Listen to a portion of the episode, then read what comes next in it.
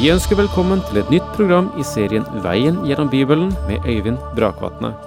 Denne studieserien er produsert av P7 Kristen Riksradio og bygger på serien Through the Bible av Vernon McGee.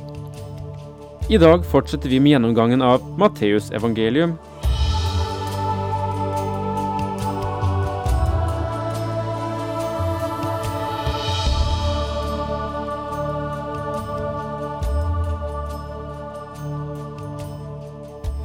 Vi tror av og til at den slekt vi lever i, er eh, det mest opplyste som har funnets på jorden.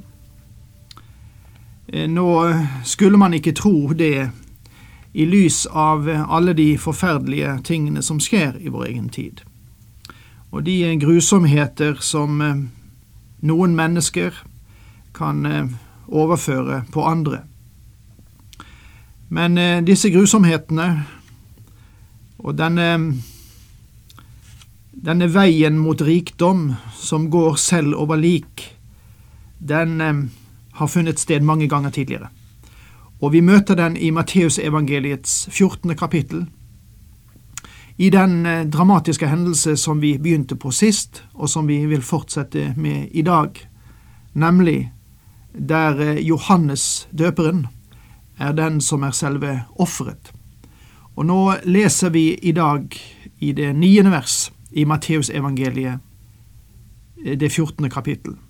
Nå her har eh, Herodes fått beskjed om at Herodias datter ønsker Johannes' hode på et fat. Og så står det slik. Kongen ble ille ved, men fordi han hadde sverget, og det mens gjestene hørte på, bød han at hun skulle få det. Forestille en mann som motiveres til en slik gjerning. Han var redd for hva gjestene hans ville tro om ham når han hadde gitt et løfte uten å være villig til å holde det. Så lite kan altså et menneskeliv bety, som det gjorde også her for Herodes, at hans eget ord, gitt i uforstand i et ubevoktet øyeblikk, koster menneskeliv og han sendte folk for å halshogge Johannes i fengselet. Hodet ble båret inn på et fat og gitt til piken, som gav det videre til sin mor. Denne sadistiske, bedrøvelige og kyniske beretning om hva som fant sted den dagen, avslører det samfunnet som da eksisterte. Døperen Johannes ble halshogd, og hans hode ble gitt til den dansende piken på et fat Menneskenaturen har sannelig ikke forandret seg mye. Begjær og mord er en del av dagens samfunn også. Men disiplene hans kom og hentet liket og gravla det og gikk så og fortalte alt til Jesus.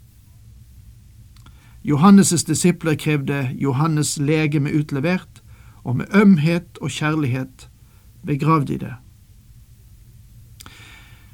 Herren trakk seg tilbake fordi han visste at Herodes' frykt kunne bryte ut i panikk og få ham til å foreta flere handlinger av samme karakter. Jesus kjente denne mannen og ønsket å unngå en lignende hendelse fordi hans time ennå ikke var kommet. Da Jesus hørte dette, dro han derfra i båt over til et ensomt sted hvor han kunne være for seg selv men folk fikk vite om det, og fra byene kom de etter ham til fots. Herren dro med båt over Galileasjøen, men mengden som hadde fulgt ham til fots fra byene omkring, ønsket ikke at han skulle forlate dem, så de gikk rundt sjøkanten og møtte ham på den andre siden. Dette sier jo egentlig hvor populær han var blant folk på grasrotplanet. Da han steg i land, fikk han se en mengde mennesker. Han syntes inderlig synd på dem og helbredet de syke blant dem. Legg igjen merke til at de førte sine syke ut til ham. Han bokstavelig talt helbredet tusener den dagen. Å sammenligne det han gjorde, med den krampaktige undergjerningsbølge som rir oss i våre dager, er nesten bespottelig, synes jeg. Hans undergjerninger markerte ham som Messias, og det han gjorde, var åpenbart, og det var tilgjengelig for alle mennesker. Men da det led mot kveld, kom disiplene til ham og sa, stedet er øde, og det er alt langt på dag. Send derfor folket fra deg, så de kan dra bort i landsbyene og kjøpe mat. Merk deg at disiplene forsøker å gi Jesus råd om hva han bør gjøre, og deres råd gikk ut på å sende folket inn i landsbyene. De trenger ikke gå herfra, sa Jesus, dere skal gi dem mat. Det underet at han mettet 5000 er det eneste under som er gjengitt i alle fire evangelier. Bare av den grunn er det et viktig under. Det var som om disiplene hadde utnevnt seg selv til hovedstyre for å fortelle Jesus hva han burde gjøre. Men han sa til dem, De trenger ikke gå herfra, dere skal gi dem mat. Det var en umulig ordre, egentlig. Men vi har bare fem brød og to fisker, svarte de. Å ha bare fem brød og to små fisker er på mange måter typisk for kirkens situasjon i våre dager. Nettopp i denne tid sier folk at vi bør sende folkemassene bort, at det er naturlige måter å ta hånd om deres behov på. Vi sender dem til alle deler av psykisk, fysisk og sosialt helsevern for å få hjelp. Og det vil jeg si, det er jo ikke galt. Men vi får merke oss at et menneskes åndelige behov kan ikke mettes av psykisk eller fysisk eller sosialt helsevern. Vi har et åndelig brød å tilby mennesker, og selv om det bare er fem brød og to fisker, så er det det som mennesker trenger. Men det som ofte mangler, er Jesu kraft. Om vi bare hadde den, behøvde vi ikke å sende folket bort. Det er ikke alltid at vi innser at løsningen i dag ligger i regjeringer eller i menneskelige planer, men i Gud. Ikke rart at Kirken mange ganger er kraftløs. Da sa han, Bring det hit til meg. Jeg elsker det svaret som han gir. Han er Herre mine venner. Og han sier til oss, bring det du har til meg. Det er ikke det vi har som teller i forholdet til ham, men faktisk det vi ikke har. Spørsmålet er, er vi villige til å løse det vi har, og la ham være den ene som dirigerer oss i hvordan vi skal disponere det?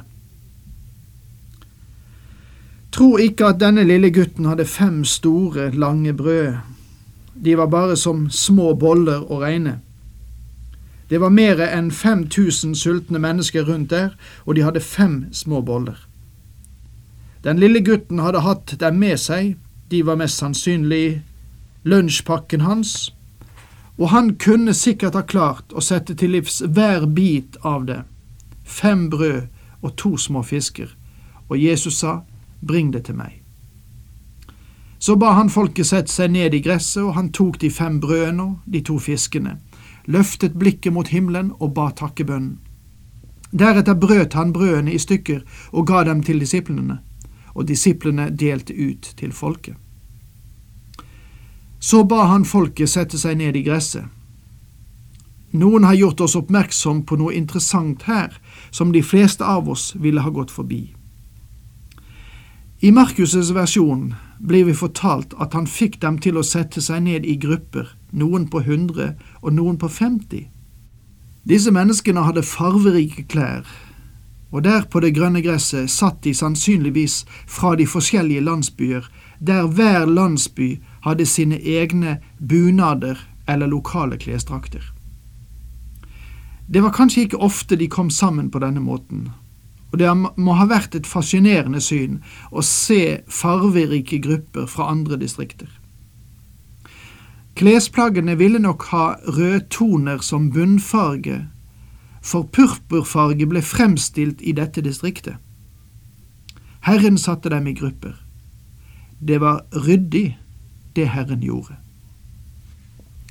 Og han løftet blikket mot himmelen og ba takkebønn. Deretter brøt han brød i stykker og gav dem til disiplene, og disiplene delte ut til folket. Disse karene som hadde utpekt seg selv som direksjon for å fortelle Jesus hva han skulle gjøre, ble nå omdannet til en gruppe kelnere som serverte folket. Og det burde være en spesiell tjeneste både for apostler, disipler, prester, evangelister og alle kristne i våre dager.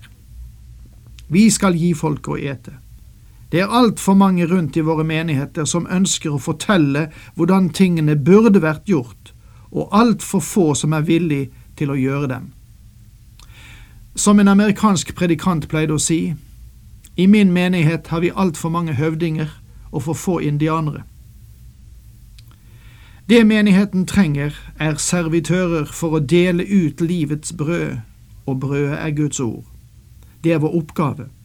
Alle troende burde være kelnere i denne betydningen av ordet. Og alle spiste og ble mette.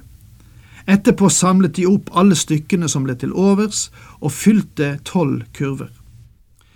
Tidligere trodde jeg at det å ta opp bitene betydde at de tok opp det vi ville kalle søppel, det vil si, noen hadde bitt i en brødskive, og så lagt den fra seg når de så en større en, og de halvspiste skivene ville være biter. Men nå forstår jeg at det var tolv kurver fulle av brød og fisk som ikke var rørt. Det er vanskelig for oss som lever med nær vei til supermarkedene å forstå at to av tre mennesker av jordens befolkning la seg sultne i går kveld.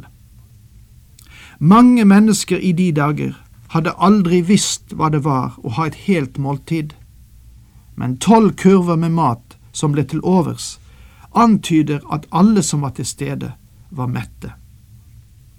De som hadde spist, var omkring 5000 menn, foruten kvinner og barn. Det var 5000 menn, og dette inkluderer ikke kvinnene og barna.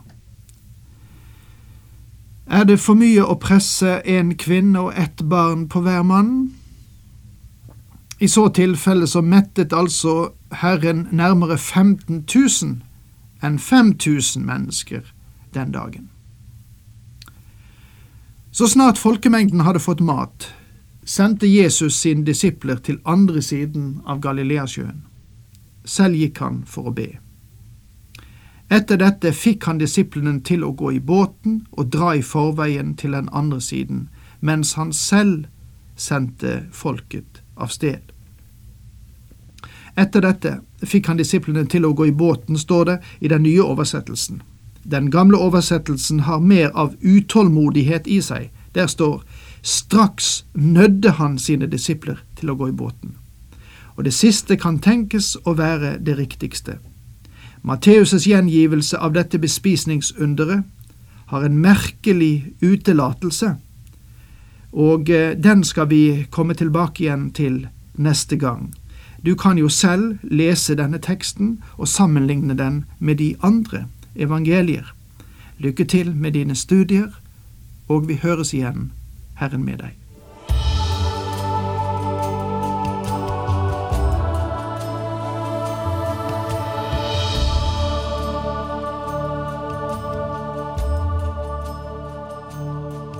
Du hørte Øyvind Brakvatne i studieserien Veien gjennom Bibelen. Serien bygger på et manus av Vern McGee. Har du spørsmål eller kommentarer til programmet, kan du sende en e-post til vgb krøllalfa p7.no. Takk for i dag, og på gjenhør.